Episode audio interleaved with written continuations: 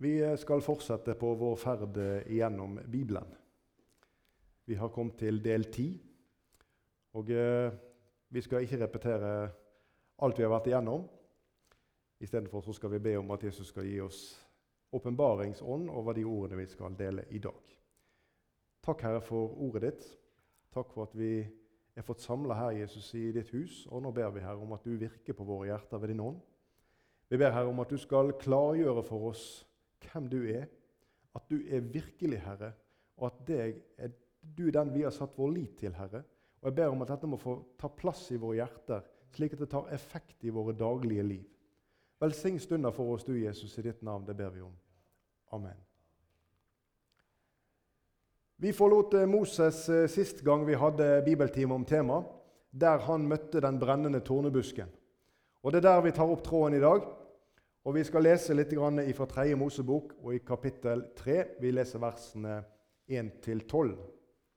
Moses gjette småfe hos Jetro, sin svigerfar, presten i Midian.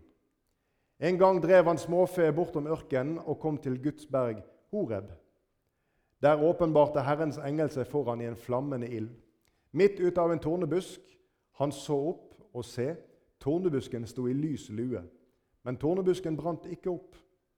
Moses sa, 'Jeg vil gå bort og se dette underfulle syn, at tornebusken ikke brenner opp.' Da Herren så at han kom bort for å se, ropte Gud til ham midt ut av tornebusken og sa, 'Moses, Moses.' Og han svarte, 'Ja, her er jeg.' Da sa han, 'Kom ikke nærmere.' Dra dine sko av føttene, for det stedet du står på, er hellig grunn. Så sa han, Jeg er Gud, jeg er din fars Gud, Abrahams Gud, Isaks Gud og Jakobs Gud. Da skjulte Moses sitt ansikt, for han fryktet for å se Gud. Og Herren sa, Jeg har så, sett, jeg har så visst sett mitt folks nød i Egypt. Jeg har hørt deres klagerop over slavefogdene, og jeg vet hva de lider. Nå har jeg steget ned for å befri dem fra egypternes hånd. Jeg skal føre dem opp fra dette landet til et godt og vidstrakt land et land som flyter med melk og honning. Det er det landet hvor kananeerne bor, og hetittene og amorittene, og ferisittene og hevittene og jebusittene.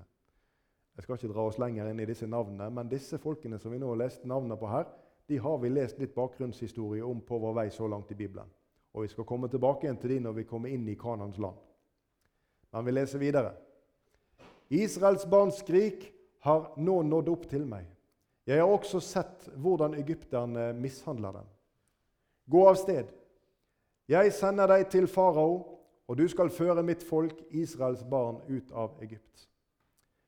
Men Moses sa til Gud, Hvem er jeg, at jeg skulle gå til farao, og at jeg skulle føre Israels barn ut av Egypt? Han sa, Sannelig, jeg vil være med deg. Dette skal være et tegn for deg på at jeg har sendt deg. Når du har ført folket ut av Egypt, da skal dere holde gudstjeneste på dette fjellet. Her var det mange ting vi kunne ha stoppa med.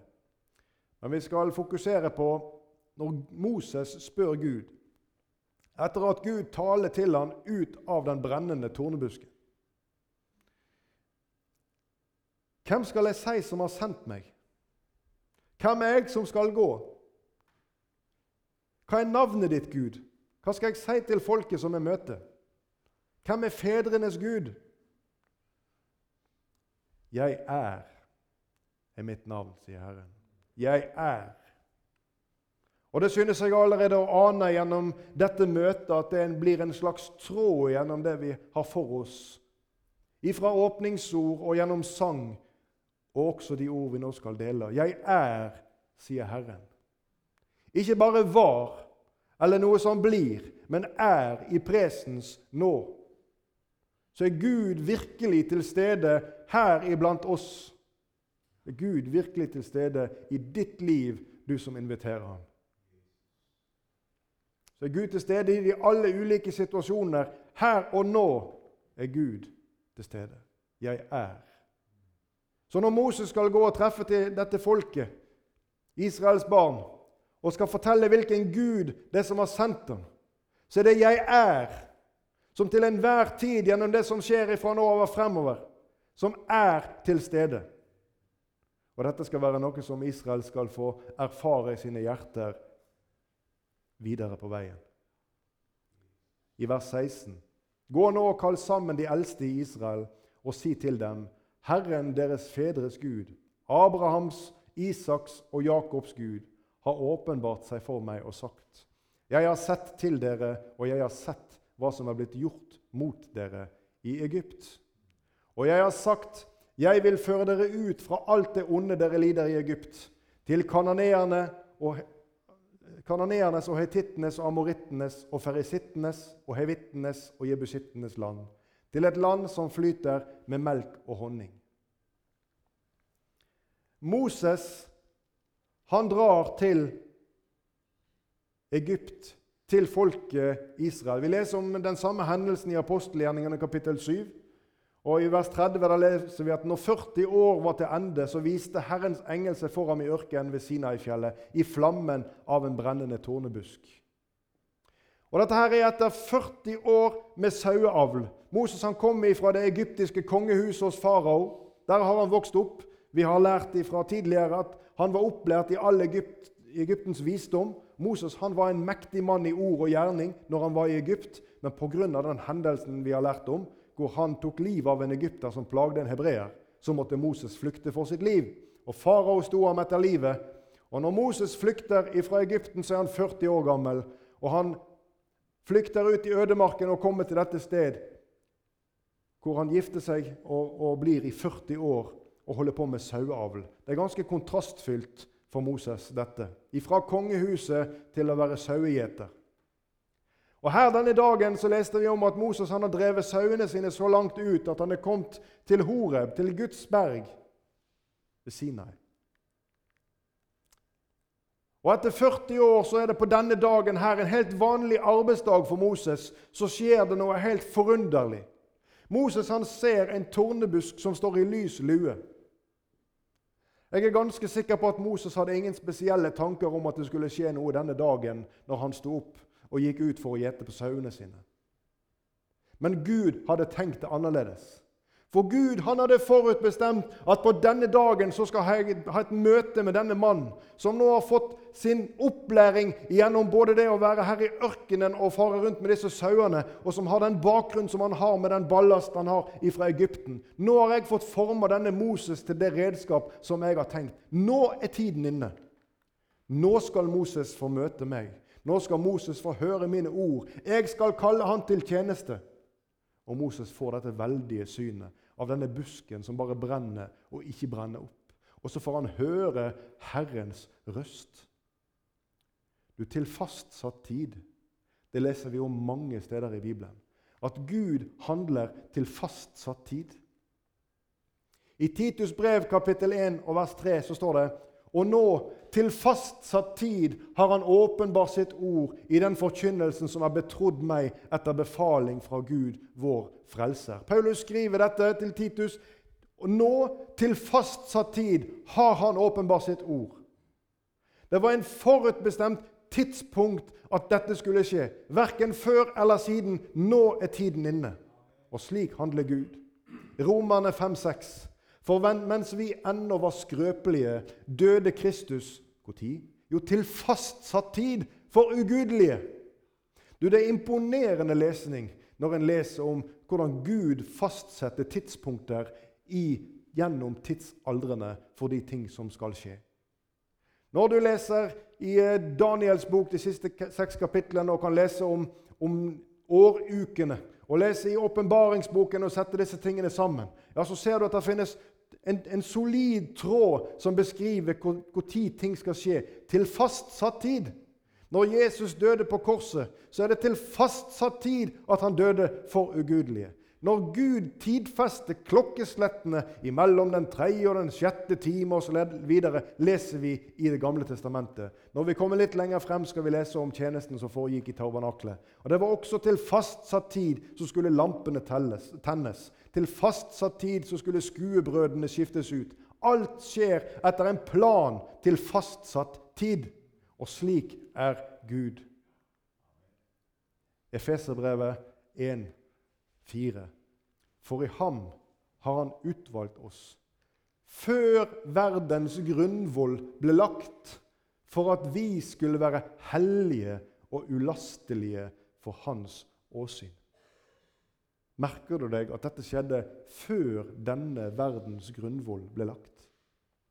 Gud har en plan. Og Gud han har en plan med fastsatte tidspunkt. En del sånne tidspunkt som vi leser om i Bibelen, de kan vi se oppfylt gjennom både det som har skjedd i vår tid, men også gjennom det som har skjedd gjennom bibelhistorien. Så har det blitt slik som Gud har sagt, nøyaktig. Og det gjelder også de ting som ligger foran oss. Men han utvalgte oss altså i Kristus før denne verdens grunnvoll ble lagt. Det var ingen overraskelse for Gud at det kom til å gå galt med menneskeheten helt ifra Edens hage. Det var ingen overraskelse for Gud at mennesket spiste av den forbudne frukt. Og Vi skal komme innom andre ting som Gud òg visste kom til å skje. Men til tross for at Gud visste, så velsigner han. Til tross for at Gud visste, så frelste han til fastsatt tid. Og Guds plan gjennom tidene er fastsatt. Israels utfrielse fra Egypt er fastsatt. Det skjer til en fastsatt tid. 1. Mosebok 15, vers 13-14. Og han sa til Abraham.: Du skal vite for visst at din ett skal bo som fremmede i et land som ikke er deres. De skal trelle for folket der, og de vil bli undertrykt og plaget i 400 år. Men jeg vil også dømme det folket som de skal trelle for, og deretter skal de dra ut med mye gods. Du, Tiden den er nå inne. Tiden var ikke inne når Moses tenkte i sin velmakt at han skulle frelse sitt folk fra egyptisk fangenskap. Men nå, nå er tiden inne. Nå taler Gud til Moses. Nå når han er borte fra egen makt, egen prestisje, når alt har falt i stykker for Moses, når han har blitt fornedret og blitt sauegjeter istedenfor kongesønn, da taler Gud. Nå Moses er tiden inne. Andre Mosebok kapittel 3 og vers 20-22. Derfor vil jeg rekke ut min hånd og slå Egypt med alle mine under, som jeg vil gjøre midt iblant dem. Så skal han la dere fare. Og jeg vil la dette folket vinne godvilje hos egypterne, så dere ikke skal gå tomhendt når dere drar ut. Hver kvinne skal be sin grannekone og dem som bor i hennes hus, om smykker av gull, sølv og gull og om klær. Dette skal dere la deres sønner og døtre ta på seg, og det er det byttet dere skal ta fra egypterne. Se for deg Moses her foran den brennende tornebusken som står der i ærefrykt og har tatt av seg skoene sine etter Guds befaling, og som samtaler med Herren den allmektige. Og så kommer disse ordene her. Moses svarte, Se, de vil ikke tro meg og ikke høre på meg. De vil si, Herren har ikke åpenbart seg for deg. Vi skal ikke lese hele dette kapittelet, men fra versene 2 til 5 så gir Gud dette ene tegnet hvor Moses han kaster staven sin ned på marken, og så blir den til en slange. Og Så tar Moses eh, denne slangen i halen, og så blir den til en stav igjen. Og Så leser vi i vers 6-7 om at Gud ba Moses å stikke hånda si inn bak kjortelen inn på brystet sitt. Og Når han tar hånda ut igjen, så er den blitt hvit, den er blitt spedalsk. Og Når han stikker den hånda inn igjen bakom kjortelen sin inn på brystet og tar den ut igjen, da er den blitt frisk igjen. Disse to tegnene de gav Gud til Moses. Og så gav, gav Gud et løfte til Moses om et annet tegn. At Moses, når du tar vann og slår det ut på marken, da skal vannet bli til blod. Men Moses, han har ikke lyst. Og det går liksom frem av svaret hans. Og Herre, send bud med hvem, heller, hvem ellers du vil. Tenk deg hvem ellers du vil. Gud, hvem som helst, bare ikke jeg. Vers 13. Vi kan smile litt av dette, men for Moses er det ramme alvor. Moses han står ansikt til ansikt med tornebusken. Moses han står her og hører på Guds stemme. Og til tross for at Gud har vist ham både under og tegn her, og gir han løfte om ytterligere tegn, og har gitt ham et oppdrag og sagt at 'jeg skal være med deg', send bud med hvem ellers du vil.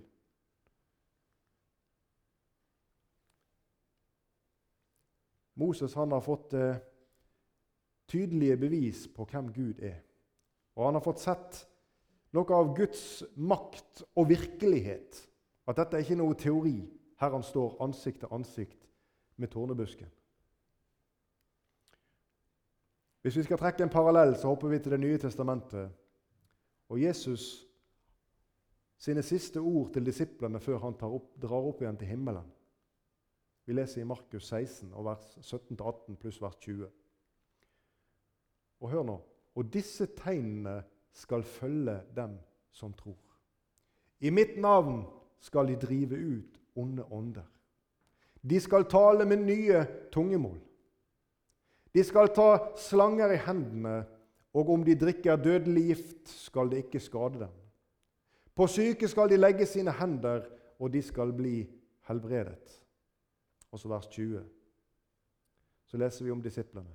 Men de gikk ut og forkynte overalt. Og Herren virket med og stadfestet ordet ved de tegnene som fulgte med. Jeg har lyst til å si til deg som hører på dette, her, at Gud han har ingenlunde forandra seg. Gud er mektig i dag til å gjøre mennesker friske. Gud er mektig i dag til å finne menneskers hjerte med Helligånds kraft og nådegaver til å tale i tunger, i fremmede eller nye tungemål. Gud er mektig i dag til å gi tydningens gaver i andres hjerter. Til å gi profetiens nådegave, til å utgi helbredelses nådegave. Gud har ikke forandret seg. Men så må vi ha fokus på hvorfor gir Gud oss disse tegn og under. Vi skal komme litt tilbake til det. Moses han drar til Egypt på Guds befaling. Vi leser vers, kapittel 4 og vers 29-31. Så gikk Moses og Aron og samlet alle de eldste av Israels barn. Og Aron bar fram alle de ordene Herren hadde talt til Moses, og han gjorde tegnene for folkets øyne. Og folket trodde da de hørte hvordan Herren hadde sett til Israels barn og gitt akt på deres nød, bøyde de seg og tilba. Endelig! Her kommer budskapet. Nå har vi vært i fangenskap og i slaveri i generasjoner. Nå er tiden inne. Her kommer Guds vitne. Og ikke bare forteller han om at 'jeg har hørt at Herren har sagt dette til meg'. Han kommer her med tegn og under. Og jeg vil få si til deg at dette er nettopp hensikten med tegn og under.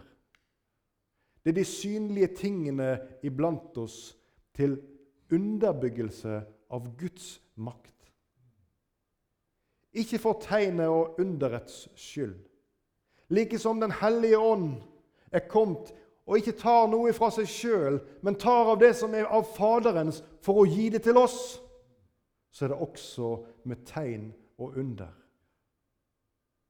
Fordi at Gud stadfester sin makt og sitt eget ord.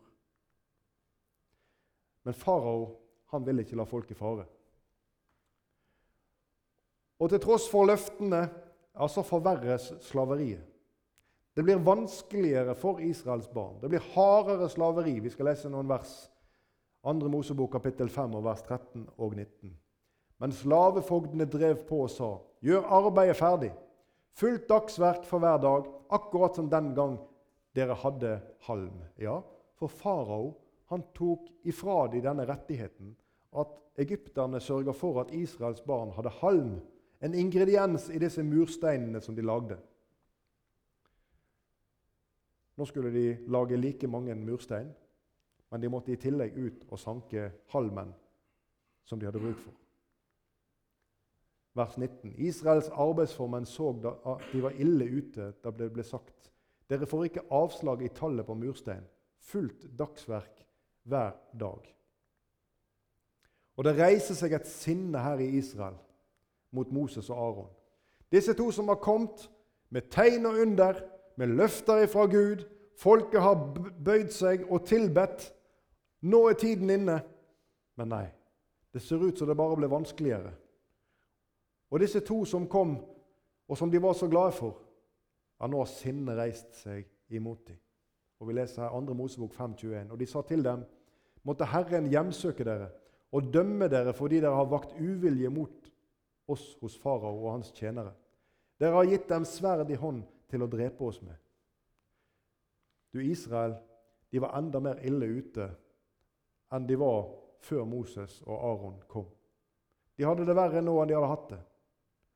Men hvis du leser kapittel 6, og vi skal ikke lese kapittel 6, jeg skal bare peke på noen av tingene i kapittel 6 i andre Mosebok, så er kapittel 6, og spesielt kanskje versene 1-8, et veldig sterkt vitnesbyrd om Guds makt og om Hans viljes oppfyllelse, helt sånn uavhengig av omstendigheter. Og det er noe som jeg vil at vi skal holde fast med. At Gud han er ikke avhengig av de ytre omstendigheter som vi ser på som rammebetingelser for hva som kan skje eller ikke kan skje. For ingenting er umulig for Gud, sa engelen til Maria. Gud sa til Moses, 'Ved min sterke hånd skal han tvinges til å la folket fare.' Mektige farao, kongen i Egypt, skal tvinges til å la folket fare. Og Legg merke til hvordan Gud går frem når han beskriver til Moses. 'Jeg er Herren'. Det begynner han med å si. 'Jeg er Herren'. Tviler ikke Moses på at jeg er Gud, den eneste, den levende, som var ifra begynnelsen, den som har skapt alt som du skal se, han som du taler med Moses. Jeg er Herren. Og hør nå om Guds vilje. Jeg vil føre dere ut ifra dette slaveriet som er i Egypt. Og jeg vil forløse dere ifra dette fangenskapet. Og jeg vil ta dere til å være mitt folk. Og jeg vil være deres Gud og jeg vil føre dere til løfteslandet. Og der vil Gud oppfylle sin pakt, som han har gjort med Abraham. Jeg vil, sier Gud. Vi er tilbake til Egypt, og Moses gjentar disse ordene, som vi nå har bare skrapt så vidt innom fra 2. Mosebok 6, versene 1-8. Han gjentar disse Herrens løfter for Israels barn. Og hør deres reaksjon her i kapittel 6 og vers 9. Moses sa dette til Israels barn, men de hørte ikke på Moses pga. sin motløshet og det hårde trellearbeidet. De klarte på en måte ikke å, å ta det til seg. Liksom det å absorbere nye løfter når det så ut til at de første løftene de var falt i grus, og alt ble egentlig bare verre enn det noen gang hadde vært. Og så lurte jeg på når jeg satt og leste disse ordene her, er vi egentlig ganske annerledes når det gjelder tillit til Guds ord? Er vi annerledes når det gjelder tillit til hans løfter, enn det disse var? Er det ting som preger oss, og som Israels barn de var motløse pga. Ja, og, og de hadde hårdt trellearbeid, og derfor så hørte de ikke? Er det annerledes med oss? Når vi leser lignelsen om såmannen, så har vi en liten ledetråd, Matteus 13 og vers 22.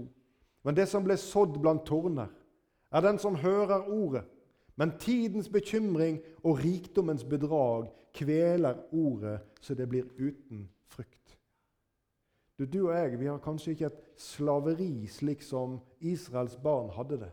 Men det kan sannelig komme mange ting i vår vei som kveler ordet. Så det ikke bærer frukt pga. denne tids bekymring og pga. all den rikdom som vi har imellom våre hender.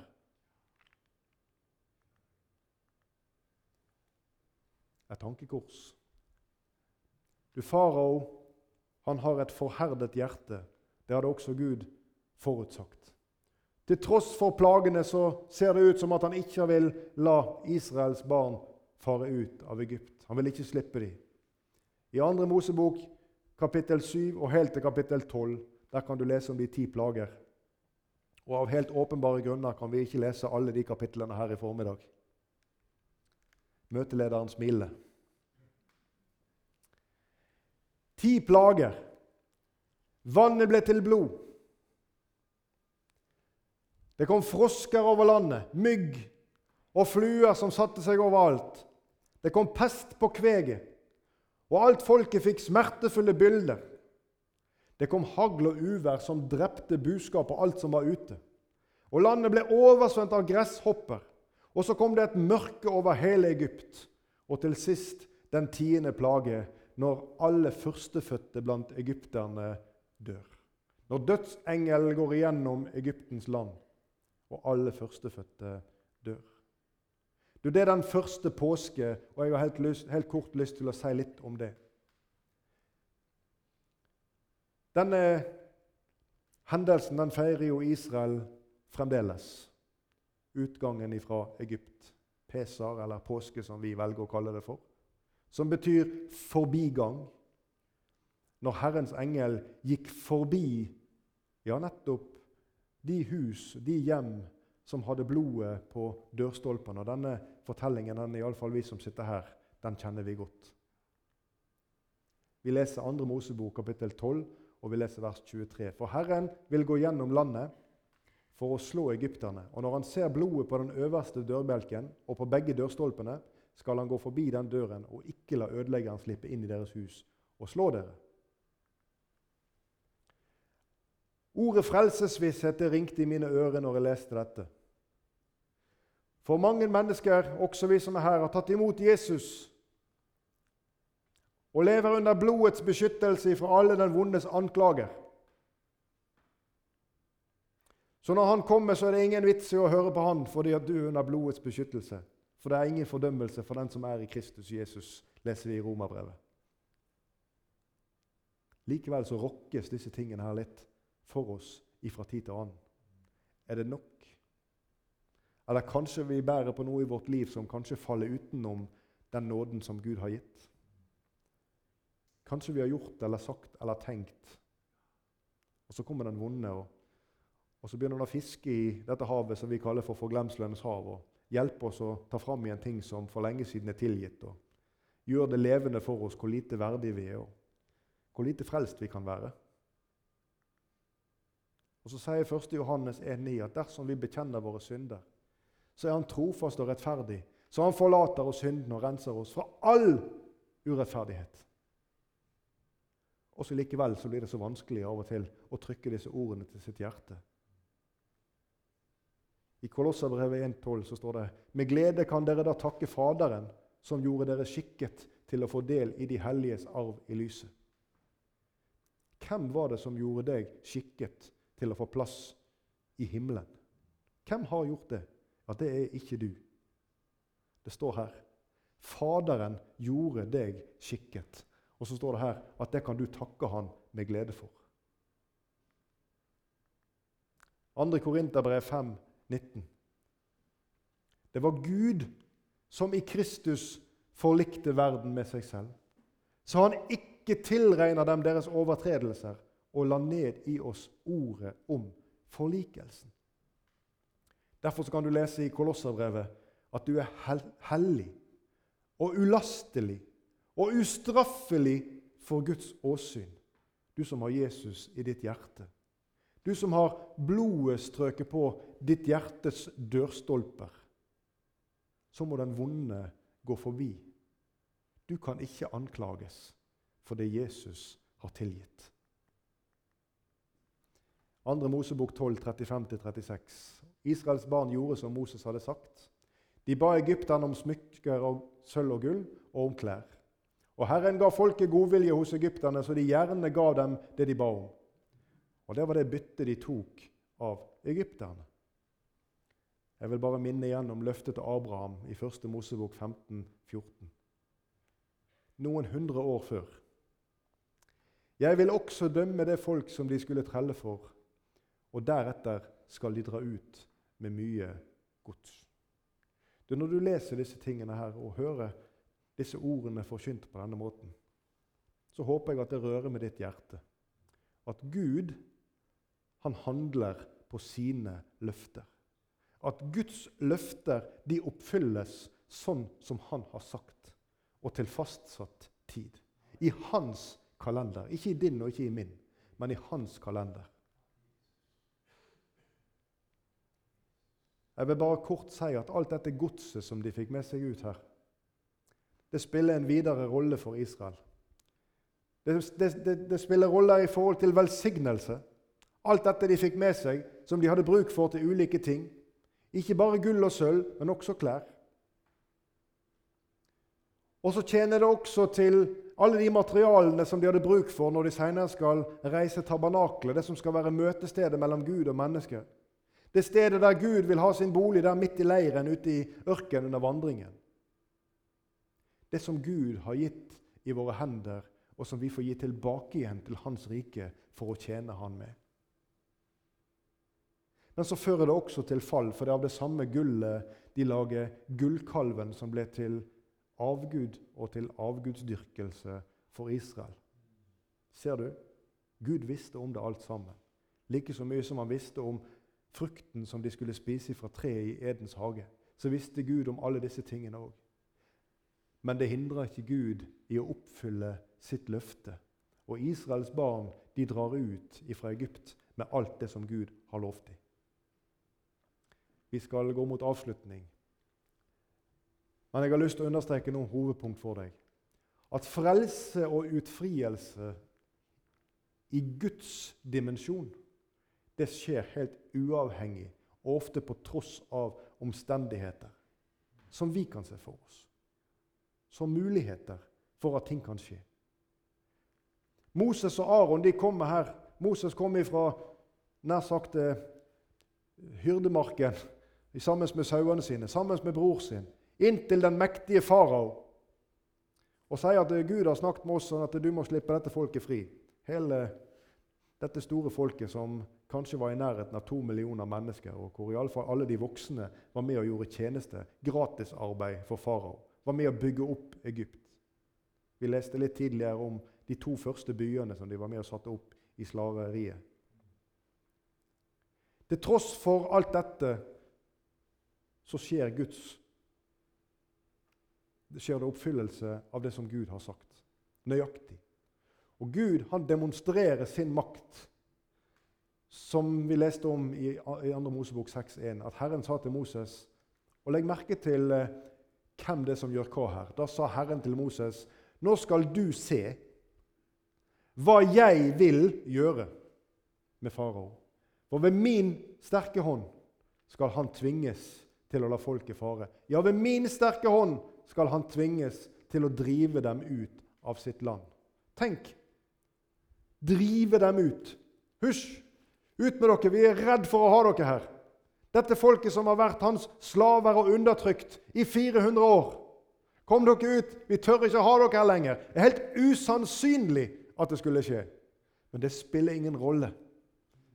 Jeg arbeider av og til litt med noe som kalles for sannsynlighetsberegning i noen forskjellige ting. Og sånne sannsynlighetsberegninger de har ikke med seg en dimensjon som handler om Gud. For Gud han handler på tvers av alt det som vi kan beregne. Gud er ikke avhengig av naturens lover. Gud er ikke undergitt alle disse tingene, for all skapningen den er blitt til ved Han. Ja, det står 'den opprettholdes ved Han'. Guds fastsatte tid det begrepet det vil du finne noen ganger hvis du søker gjennom Bibelen din.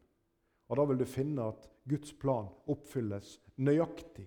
Og det er en slik detaljrikdom gjennom det som skjer ved Guds under og profetiers oppfyllelse, at det er veldig trosoppbyggende å forfølge Hvis du leser gjennom Det gamle testamentet, å forfølge og se hvordan ting oppfylles så nøyaktig. Helt til sist, 2. Mosebok 13, vers 21. Og Herren gikk foran dem om dagen i en skystøtte for å lede dem på veien, og om natten i en ildstøtte for å lyse for dem. Slik kunne de dra fram både dag og natt. I formiddag har du fått hørt litt om hvordan Guds plan ble oppfylt til fastsatt tid. Du har fått hørt hvordan Gud lar sitt ord oppfylles uavhengig av menneskelig makt og vilje.